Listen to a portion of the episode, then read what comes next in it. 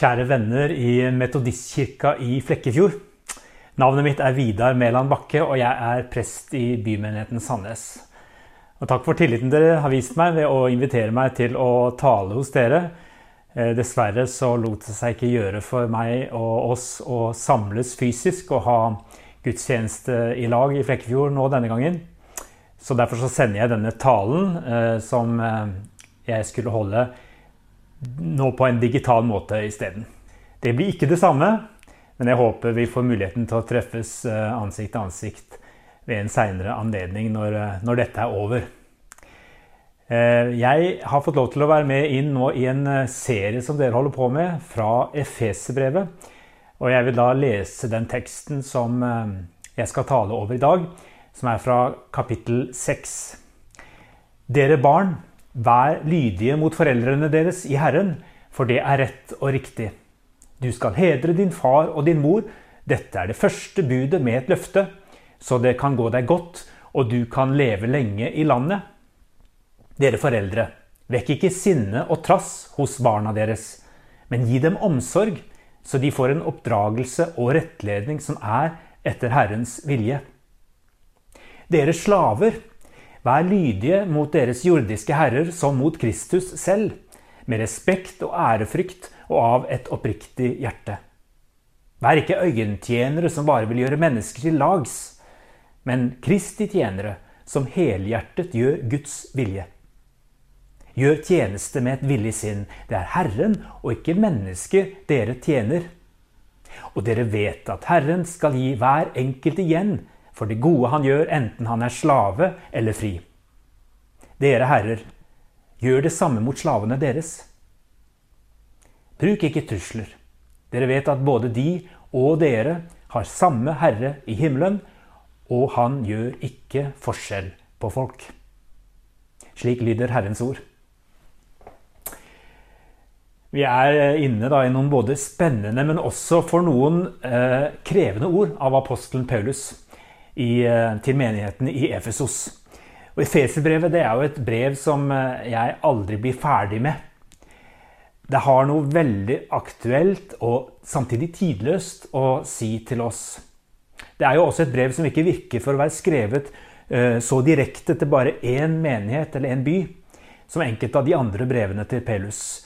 Her legger apostelen fram tanker om det å være menighet og kristen fellesskap til alle tider på alle steder.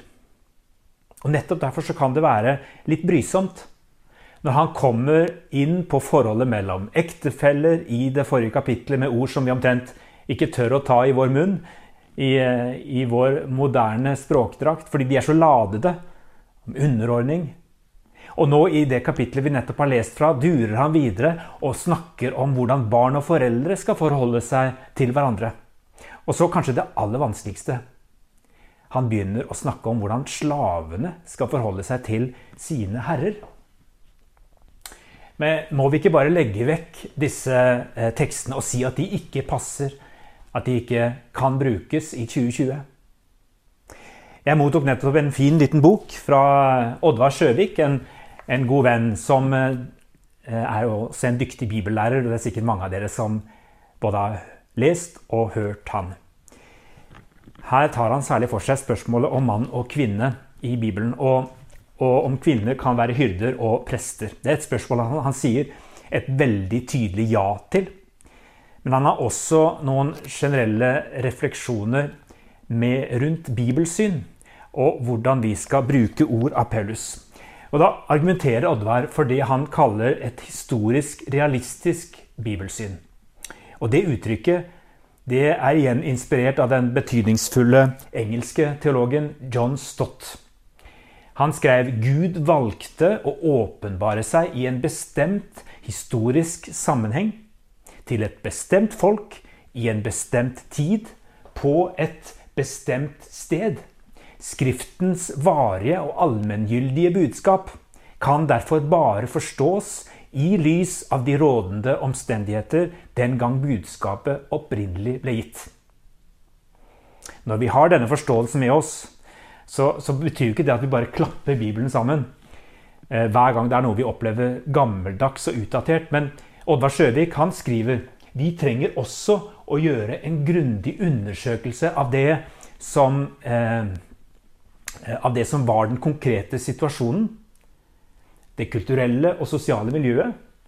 Det aktuelle problemet eller den konkrete synden som gjorde at apostlene talte slik de gjorde. Eh, jeg tenker at det blir veldig viktig i møte med disse konkrete formaningstekstene i Efeserbrevet kapittel 6. Det første han sier her, det, det, burde jo egentlig ikke være spesielt kontroversielt. Eh, men kanskje det likevel blir det fordi ordene ikke klinger helt godt i moderne ører. Han begynner å snakke om foreldrene og barna. Dere barn, vær lydige mot foreldrene deres i Herren, for det er rett og riktig. Du skal hedre din far og din mor. Dette er det første budet med et løfte. Når vi hører disse ordene, så tror jeg vi raskt henger oss opp i beskjeden om at barna skal være lydige mot foreldrene. Vi lever i en ekstrem eh, likhetskultur i Norge. Alle i samfunnet skal være på samme nivå og møtes med samme respekt. Allerede fra barna er ganske små, så lærer de seg til å stå for seg selv og, og, og sine egne valg og sine egne handlinger. Jeg tror kanskje noen ganger så settes barna i dag på på utfordringer litt for tidlig. De må ta for mange valg som kanskje hører til de voksnes verden. Det kan handle om mediebruk, f.eks. På Paulus sin tid så var det neppe noe oppsiktsvekkende i eh, det hele tatt at eh, Paulus her bekrefter det som allerede lå i den, den jødiske tradisjonen, nemlig lydighet til foreldre og budet om å hedre sin far og sin mor. Det nydelige, det nydelige det er at barna her blir tiltalt som selvstendige og ansvarlige subjekter. Og det er egentlig ikke noe selvfølge. De telles med i menigheten. Eh, det oppsiktsvekkende her det er hvilken status de første kristne tidlig begynte å gi barna eh, i fellesskapet. I den gresk-romerske kulturen, som f.eks. i Efesos, så hadde barn i praksis ingen verdi før de ble unge voksne.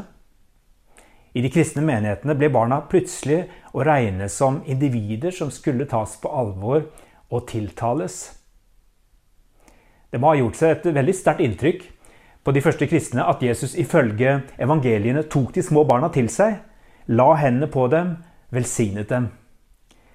En enormt sterk symbolhandling. Og sånn begynte en langsom revolusjon, der barna skulle bli mer og mer sett og anerkjent som tilfelle, eh, en tilfelle hadde vært i deres kultur. Når Jesus sa at den som ikke blir som et barn, ikke skal komme inn i Guds rike, ja, da gjorde han barna til helt sentrale aktører i det nye gudsfolket. Det er dette som blir så tydelig også i ordene til Paulus i det andre avsnittet her. Dere foreldre, vekk ikke sinne og trass hos barna deres, men gi dem omsorg, så de får en oppdragelse og, rett, og rettledning som er etter Herrens vilje. Jeg tror ikke vi forstår hvor sterkt dette er i en kultur der barna i stor grad var vant til å være i et venterom med, uten betydning, mens de eh, ventet på å bli kasta inn i de voksnes verden. I menighetsfamilien skulle barna derimot bli sett, bli møtt med forståelse, få omsorg, oppdragelse og rettledning, med Jesus som forbilde for de voksne. Merker dere at ordene får en annen betydning og aktualitet når vi tar med oss tiden og konteksten de ble sagt inn i? Da kan vi også trekke ut det tidløse budskapet til oss som er barn og foreldre i 2020. Og kanskje det budskapet enkelt kan oppsummeres slik. Du som er barn, ha respekt for dine foreldre. De har fått et ansvar for deg som de er nødt til å ta på alvor. Derfor skal du ikke se på dem bare som kompiser. De har en helt spesiell talerett inn i livet ditt som ingen andre har. Det er foreldrene dine sin plikt å sette trygge rammer for deg. Lytt til dem. Og du som er mor eller far, det hjelper ikke bare å kjefte og smelle for å få det som du vil med barna dine. Vis dem at du virkelig bryr deg om dem og vil dem vel.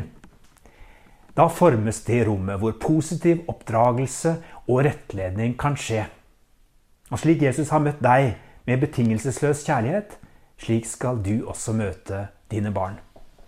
Sånn tenker jeg kanskje at budskapet kan være. Og fordi disse ordene lyder i et brev som egentlig handler om fellesskapet i menigheten, så blir vi minnet om at familiebegrepet ikke kan begrenses til mor, far og barn, sånn som i den moderne kjernefamilien. Dersom man er så heldig å være del av en kjernefamilie, så er den i en menighet aldri seg selv nok. Den skal få regne seg som del av storfamilien. It takes a village to raise a child, som de sier i Afrika. Og så kommer vi til den delen som kanskje tross alt er litt mer vrien. Altså vi skal bruke litt mer tid på. Dere slaver, vær lydige mot deres jordiske herrer, som mot Kristus selv, med respekt og ærefrykt og av et oppriktig hjerte. Ja, hvordan er det mulig, Paulus, å be slaver om å være lydige mot sine herrer, samtidig som du i et annet brev har sagt her er ikke jøde eller greker, her er ikke slave eller fri. Her er ikke mann og kvinne, dere er alle én i Kristus Jesus.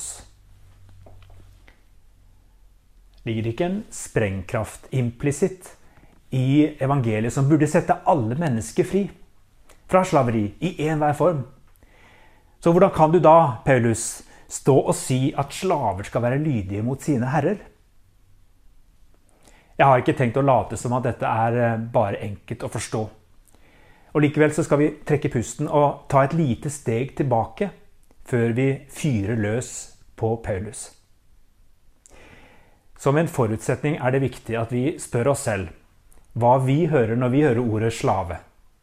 Jeg kan snakke for meg selv. Når jeg hører ordet slave, så tenker jeg på, på eh, de afroamerikanske slavene i USA. Og på det forferdelige faktum at gode kristne mennesker kunne hevde at slaveriet i Amerika hadde støtte i Bibelen. Og de viste bl.a. til Paulus. Men Paulus hadde en forståelse av det å være slave som var formet av hans jødiske bakgrunn. Vi kan mene at han burde tenkt annerledes som kristen, men vi må i hvert fall ta utgangspunkt i hvordan han tenkte om slaver med sitt jødiske blikk, med sine jødiske briller. Og det kan overhodet ikke sammenlignes med det å være slave av afrikansk opprinnelse i USA. I USA så var slaven på 1700- og 1800-tallet helt og fullt sin herres eiendom. Han eller hun hadde ingen rettigheter. De amerikanske slavene de var blitt kidnappet i Afrika. Noe som faktisk var forbudt ut fra Det gamle testamentet. Den som bortfører et menneske, skal dø, står det i Moseloven. Og så alvorlig var det faktisk. I Amerika under slavetiden var eieren fri til å voldta de kvinnelige slavene, lemlesse dem eller drepe dem uten å bli dømt. Til forskjell fra slaveriet i USA så var de jødiske slavene mer å betrakte som tjenere. Tjenere er egentlig en bedre oversettelse av det greske og hebraiske ordet som brukes i Bibelen så ofte oversettes med slave. Eh, en slave i Bibelen var ikke fratatt sitt menneskeverd. Eh, eh, men han hadde en ukrenkelig verdi på linje med alle andre mennesker. Slaven hadde rett på fri hver syvende dag, fri ved høytider. De hadde rett på å få nok mat. En slave skulle også beskyttes mot uønskede seksuelle tilnærminger. Og hvis en slave rømte fordi levekårene ikke var gode nok hos eh, slaveherren, så skulle man ikke levere trellen tilbake til herren, men ta trellen inn til seg. Og la han få søke tilflukt på et sted som var bra for ham. I tillegg så påbød Moseloven eh, at hebraiske slaver skulle frigis etter seks års tjeneste hos sin herre. Dette her det kan du lese om i 2. Mosebok kapittel 21, i Jobb kapittel 31 og i 5. Mosebok kapittel 15 og 23. Det er nødvendig å få med seg at i Romerriket hadde vanligvis ikke slaver de samme rettighetene som israelsfolket ga dem. Men når Paulus snakker til menighetene, f.eks. denne i Efesos, så bør vi kunne forutsette at han har sin grunnleggende jødiske forståelse av slaver i tankene, ikke den allmenne romerske. Vi skal ikke bruke denne informasjonen om, eh, om, jødenes slaveforståelse til å si at det er greit å ha slaver i dag. På ingen måte.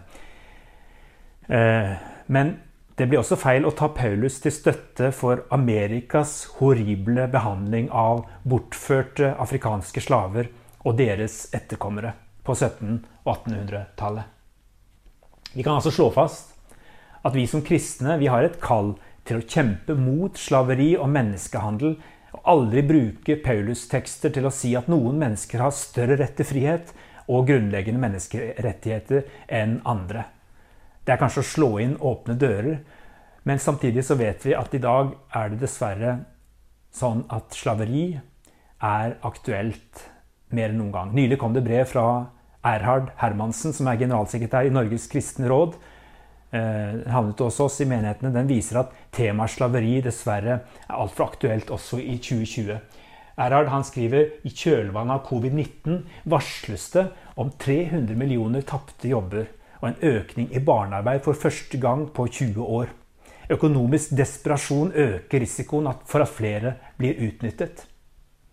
Allerede før koronapandemien var det anslått at så mange som 9000 personer befinner seg i ulike former for utnyttelse i Norge. Og 40 millioner globalt i tvangsarbeid og tvungen prostitusjon, tvangsekteskap, organtyveri og tvang til krigstjeneste eller kriminalitet.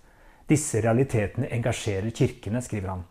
Bak tallene er en kvinne, jente, gutt eller mann som utsettes for bedrag, elendig eller ingen betaling. Tvang og maktmisbruk. Fraværet av alternativer gjør at de i liten grad kan leve frie og selvstendige liv, og mange kjenner heller ikke sine rettigheter. Og så sier han til slutt Kevin Bales, en frontfigur i vår tids antislaverikamp, viser til William Wilberforces ord for 200 år siden. You may choose to look the other way, but you can never say again that you did not know. Som enkeltpersoner og som fellesskap kan vi ikke snu oss bort, og gjennom varer og tjenester vi kjøper, kan vi indirekte medvirke til utnyttelse i leverandørkjeder eller på byggeplasser i Norge, eh, sier han. Jeg vil utfordre oss alle til å sette menneskehandel og moderne slaveri på dagsorden i menighetene våre. Jeg tenker at Vi må spørre oss selv hva vi kan bidra til for å åpne øynene våre for det som skjer rundt oss i, i Norge, i verden i dag. Dere skjønner at jeg mener vi må klare å ha flere tanker i hodet samtidig når vi leser hva Paulus skriver til de første menighetene. Og slaveri, menneskehandel, undertrykkelse, det er eh, noe vi skal kjempe imot som menigheter. Vi skal ikke bare akseptere det som ordninger som samfunnet og verden bare må, bare må, leve med. Og Da har jeg lyst til å gi likevel en annen utfordring til slutt i forhold til det med å ha flere tanker i hodet samtidig. For selv om vi på den ene siden er kalt til å kjempe mot undertrykkelse og slaveri i enhver form når den rammer andre mennesker, ja, så legger, ligger det et paradoks og dirrer i Jesusfortellingene, i evangeliene, og også i Paulus sine brev. Tjeneren løftes frem som et ideal for den som tror på Jesus. På den ene siden så sier Jesus i sin lange tale til disiplene før han dør, 'Jeg kaller dere ikke lenger tjenere', for tjenere vet ikke hva Herren hans gjør. 'Jeg kaller dere venner, for jeg har gjort kjent for dere alt jeg har hørt av min far'. Dette sier han i Johannes kapittel 15. Det er altså den relasjonen vi får lov til å stå i som kristne i forhold til Jesus, i forhold til Gud, i forhold til hverandre. Vi er venner. Det er dette som er Paulus sitt utgangspunkt når han snakker om at her er ikke jøde eller greker, her er ikke slave eller fri, her er ikke mann og kvinne. Dere er alle én i Kristus Jesus. I Kristus har vi barnekår hos vår Far i himmelen. Og vi får lov til å kalle oss for venner av Jesus. Og så på den andre siden i den samme lange talen til Jesus, kapittel 13, så kneler han også ned som en tjener og vasker disiplenes føtter. Og Så sa han til dem, forstår dere hva jeg har gjort for dere? Dere kaller meg mester og herre, og dere gjør det med rette, for jeg er det. Når jeg som er Herren og Mesteren har vasket deres føtter, da skylder også dere å vaske hverandres føtter. Jeg har gitt dere et forbilde, Slik jeg har gjort mot dere, skal også dere gjøre. Jesus gjør det å tjene andre til et ideal for alle som er hans frie venner. Jesus tømte ut seg selv. Han ga seg selv, ofret seg selv for oss. Og så sier han at slik far har sendt han, sender han oss. Wow. Det ligger noe veldig motkulturelt og provoserende i den måten Jesus kaller oss til å være på i verden. Det å underordne seg, det å ydmyke seg, det å, det å ofre seg. Det er faktisk et kristent ideal. Mange av oss syns det er enkelt å høre det i vår ekstreme likhetstankegang, den kulturen vi er en del av. Problemet oppstår når vi bruker sånne tekster til å undertrykke andre. Og, og, kreve noe av andre som vi aldri ville ha vært villige til å kreve av oss selv. Du skal underordne deg, du skal tjene meg, for det har Bibelen sagt. Sånn har ofte disse ordene blitt brukt opp gjennom historien for å nærmest legitimere undertrykkende atferd. Og det blir jo ofte så gærent når jeg som en hvit, rik og privilegert mann Bare hør på meg rik, hvit, privilegert mann fra Norge, verdens kanskje rikeste land, når jeg løfter fram disse ordene i møte med andre, så kan det veldig fort bli veldig gærent. For det kan oppfattes som at jeg sier du må, du må tåle den uretten. Du må leve med noe som er urettferdig. Da kan vi så lett bidra til å opprettholde ukristelige og undertrykkende ordninger som nedgraderer andre menneskers verdi og ukrenkelighet. Men jeg kan fortsatt trenge å holde opp disse tekstene som et speil for meg selv. Og lese dem som et ideal for meg og strekke meg etter som et fritt Guds barn og som en frelst venn av Jesus. Og da kan det kanskje bli sånn, når jeg leser det som en, en tekst, en fortelling, ord, som rammer meg i mitt liv. Eller utfordrer meg. Og kanskje kan det også utfordre deg. Vidar, kan jeg si. Vær lydig mot dine jordiske herrer som mot Kristus selv, med respekt og ærefrykt og av et oppriktig hjerte. Vidar, vær ikke øyentjener som bare vil gjøre mennesker til lags, men en Kristi tjener som helhjertet gjør Guds vilje. Gjør tjeneste med et villig sinn. Det er Herren og ikke mennesker du tjener. Og du vet at Herren skal gi hver enkelt igjen for det gode han gjør, enten han er slave eller fri. Dere herrer, gjør det samme mot slavene deres. Bruk ikke trusler. Dere vet at både de og dere har samme herre i himmelen, og han gjør ikke forskjell på folk. Skal vi be, Herre, ditt ord er fortsatt levende og virkekraftig i 2020. Hjelp oss til å forstå hvordan du taler til oss, og hva du ber oss om her vi bor, i det livet vi lever. Takk for at alt vi gjør, både som ydmyke tjenere og i utålmodig kamp for menneskers frihet, det gjør vi som Guds barn og som dine frie venner. I Jesu navn. Amen.